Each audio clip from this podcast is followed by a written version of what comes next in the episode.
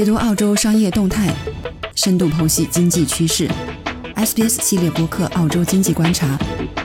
为您呈现最新的商业洞察。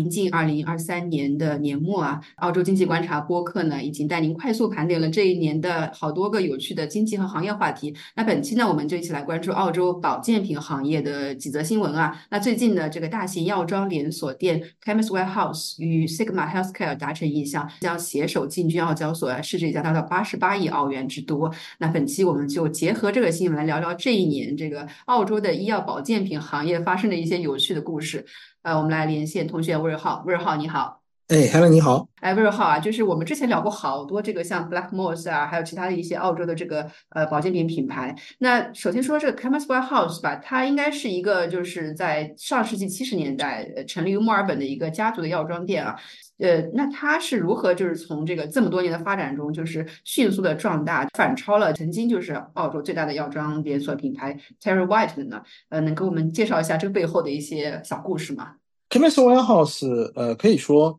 呃，是在过去这几年当中，全澳势头最猛，呃，最受欢迎，发展最为迅速，也是品牌名声啊跃升的这样的一家药妆店。其实它的历史并不长。啊，比起很多大家所所了解的其他的一些呃药店的品牌，这是一个非常年轻的公司，但是呢，它已经成为了全澳最大的这样的一个啊药店，而且呢，啊可以说是啊倍数级的大于其他的主要竞争对手，啊，它背后呢也是从一个家族企业开始做起。这个药店呢，它主打的呢其实其实很简单啊，它主打了一个品薄利多销啊，听起来很简单。但是呢，没有一家这个澳大利亚的这个啊药店能够做到它这个水平啊，它的平均的这个价格确实要比其他的一些主要的这个药店呢要要低不少，比较明显的低，而且呢产品更多。如果您在自己家附近找药店的话呢，Chemist Warehouse 呢往往是一家最大的啊，我是指这个店的面积。如果再去看这个药店里面的这种陈列啊，如果我们从一个商业角度去看的话，你会发现，当你走进 Chemist Warehouse 的时候，你并不会觉得这是个非常 fancy 的或者非常漂亮的药店。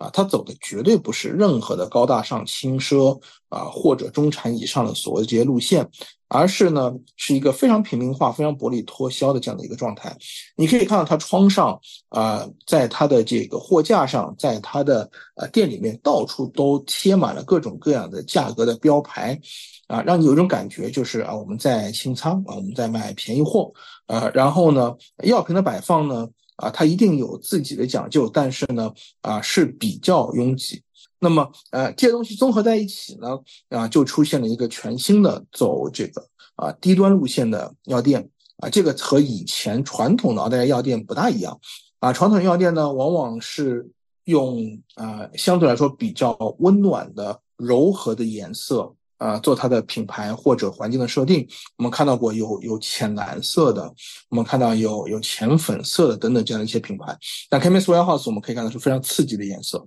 啊，并不让你有一种温馨感啊，并不让你有一种慢慢的购物的感觉，但它会让你更快的把你想买的东西买掉。我觉得这是一个非常有意思的这样的一个啊商业的决策。然后呢，它在极短的速度当中呢，啊非常快速的扩张。这扩张过程当中呢，呃。根据我们的了解，它有采用一些完全不一样的啊商业模式，有一些是自营店，有一些是加盟店，等等等等。那么在这个扩张过程当中呢，它追求的是速度，尽快的把量做起来，这个铺开。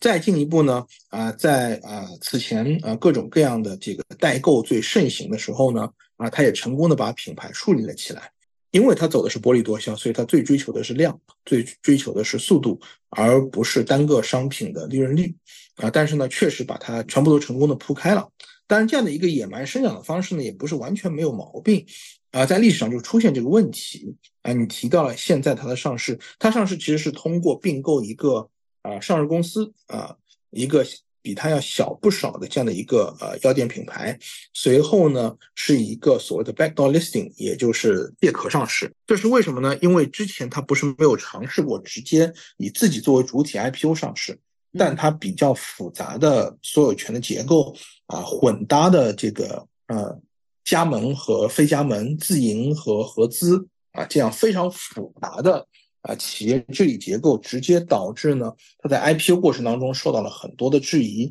啊，IPO 呢啊始终不是特别的成功啊，最后呢走上了这个啊借壳上市的这样一条道路吧。嗯，这里面有非常多的有意思的故事。那么。嗯，作为一个成功的品牌呢，它从开端到现在确实表现非常好。到这个上市或者作为一个借壳上市吧，它的壳在这个消息传出之后，最近也涨了很多。但是呢，啊，大家也要知道啊，它其实还是一个比较年轻的品牌，这个商业故事还没有结束，它还有很长的路要走啊。我们可以继续去关注这样的一个企业和关注它的一些商业的模式，它在未来会有新的成功的故事，也有可能会有新的挑战出现。尤其作为上市公司，嗯，是。那我们也期待它在这个上市之后，可能带来的是挑战呢、机遇呢，还是发展呢？我相信未来我们可以来持续关注啊。那其实说到 CamelSwell House，它的这个您刚刚提到这个红黄蓝的这样一种非常。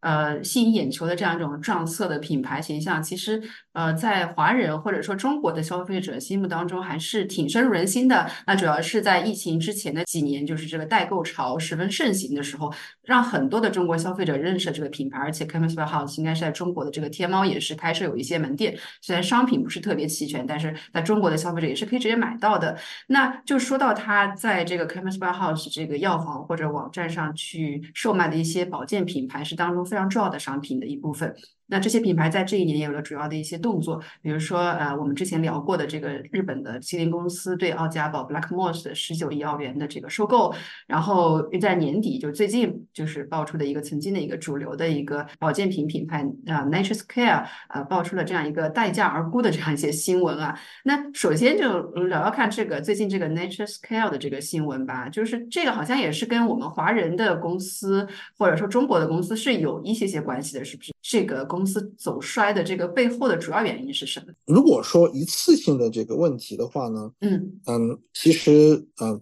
最大的问题是来自于它的这个产品啊被取消了打上 Made in Australia 的这个或者是作为澳洲产品的这样的一个权利标志啊，对，嗯，对，这个澳洲制造的这个标志被取消了，这对于保健品行业来说是致命的。其实保健品行业呢，作为一个消费品，而且呢，作为一个有很大同质性的呃消费品啊，嗯，它的核心其实在品牌价值，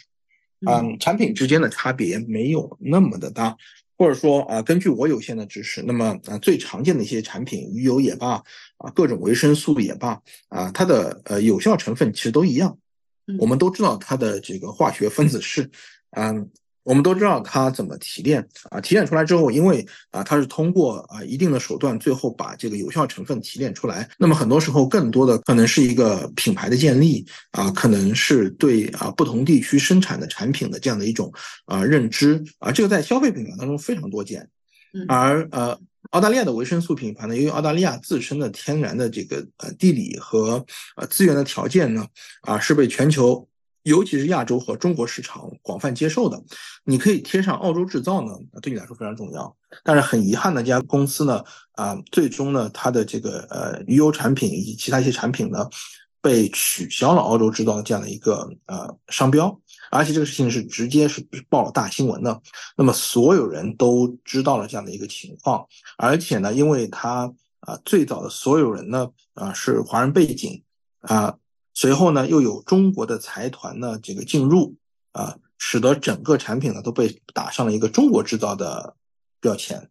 啊。这个标签是不是公平呢？可能并不公平。但是很遗憾的呢，这个就是啊它的一个所面对的一个现实。与此同时呢，啊在一些中国的财团进入之后呢，原本的想法是打开中国市场，这个和 Swiss 此前的一些操作比较类似的。但是好巧不巧呢，啊他们呢啊赶了个末班车。呃，在上线之后呢，啊，就遭遇了中国对于电商的一些管控，以及呢疫情所带来的毁灭性的打击。那呃，众多的这样的一些呃因素汇集在一起吧，造成了现在的这样的一个比较糟糕的一个一个状况吧。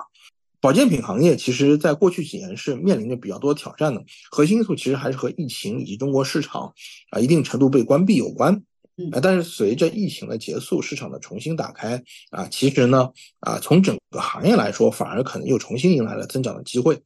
啊，Nature's Care 这个品牌本身呢，啊，可以说很遗憾啊，诸多的因素综合在一起，啊，使得它呢，啊，出现了目前非常糟糕的情况。嗯，那说到这个 Nature's Care，那就让人不由得联想起我们之前聊过的这个奥家宝。我们在聊奥家宝的时候，您也提到过，就是因为澳洲的给人感觉就特别天然、特别健康的感觉，所以这种保健品品牌也是深入人心。那它今年是接受了日本的这个麒麟公司的这个收购的邀约。那在这个举措之后，呃，目前这个公司有没有一些什么新的变革或新的革新一些消息传出来？嗯，奥家宝呃比较有意思啊，嗯，因为它是被日本公司所收购。那么这家日本公司呢，啊，它所做的事情不是说简单的要去打开日本市场，而是因为啊，呃，收购它的这个日本公司呢，拥有一个非常重要的一个产品，这个产品其实在全世界都很有名啊，就是益生菌的饮料，Yakult，养乐多。那么，嗯，对，养乐多。那么，嗯，在啊日本的这个买家入主之后呢，啊。做的一件事情呢，第一件事情并不完全是市场，而是产品，啊，正在进一步的啊和 Blackmore 的这个产品和这个品牌呢进行合作，啊，推出呢基于呃和养乐多有关的一些专利和技术的呃相关的一些全新的产品，然后呢再去运作呢进一步的这个呃未来的市场的打开，也就是说，呃，它进入之后呢，啊，它在尝试。呃，让 Blackmore 去卖一些不一样的产品或者丰富产品线，啊，但并不是说这一定会成功，啊，这其实也有风险，因为所有人对 Blackmore 的认知呢是维生素为主的保健品，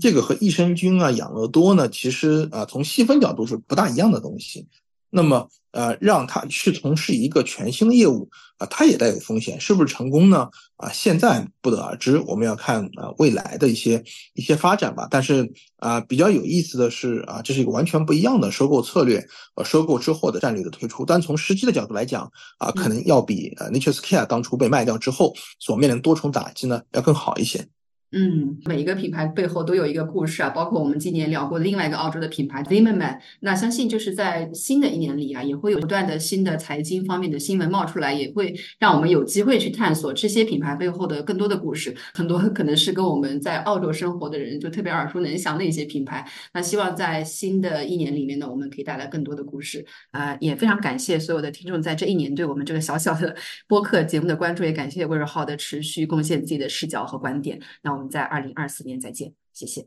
好的，谢谢。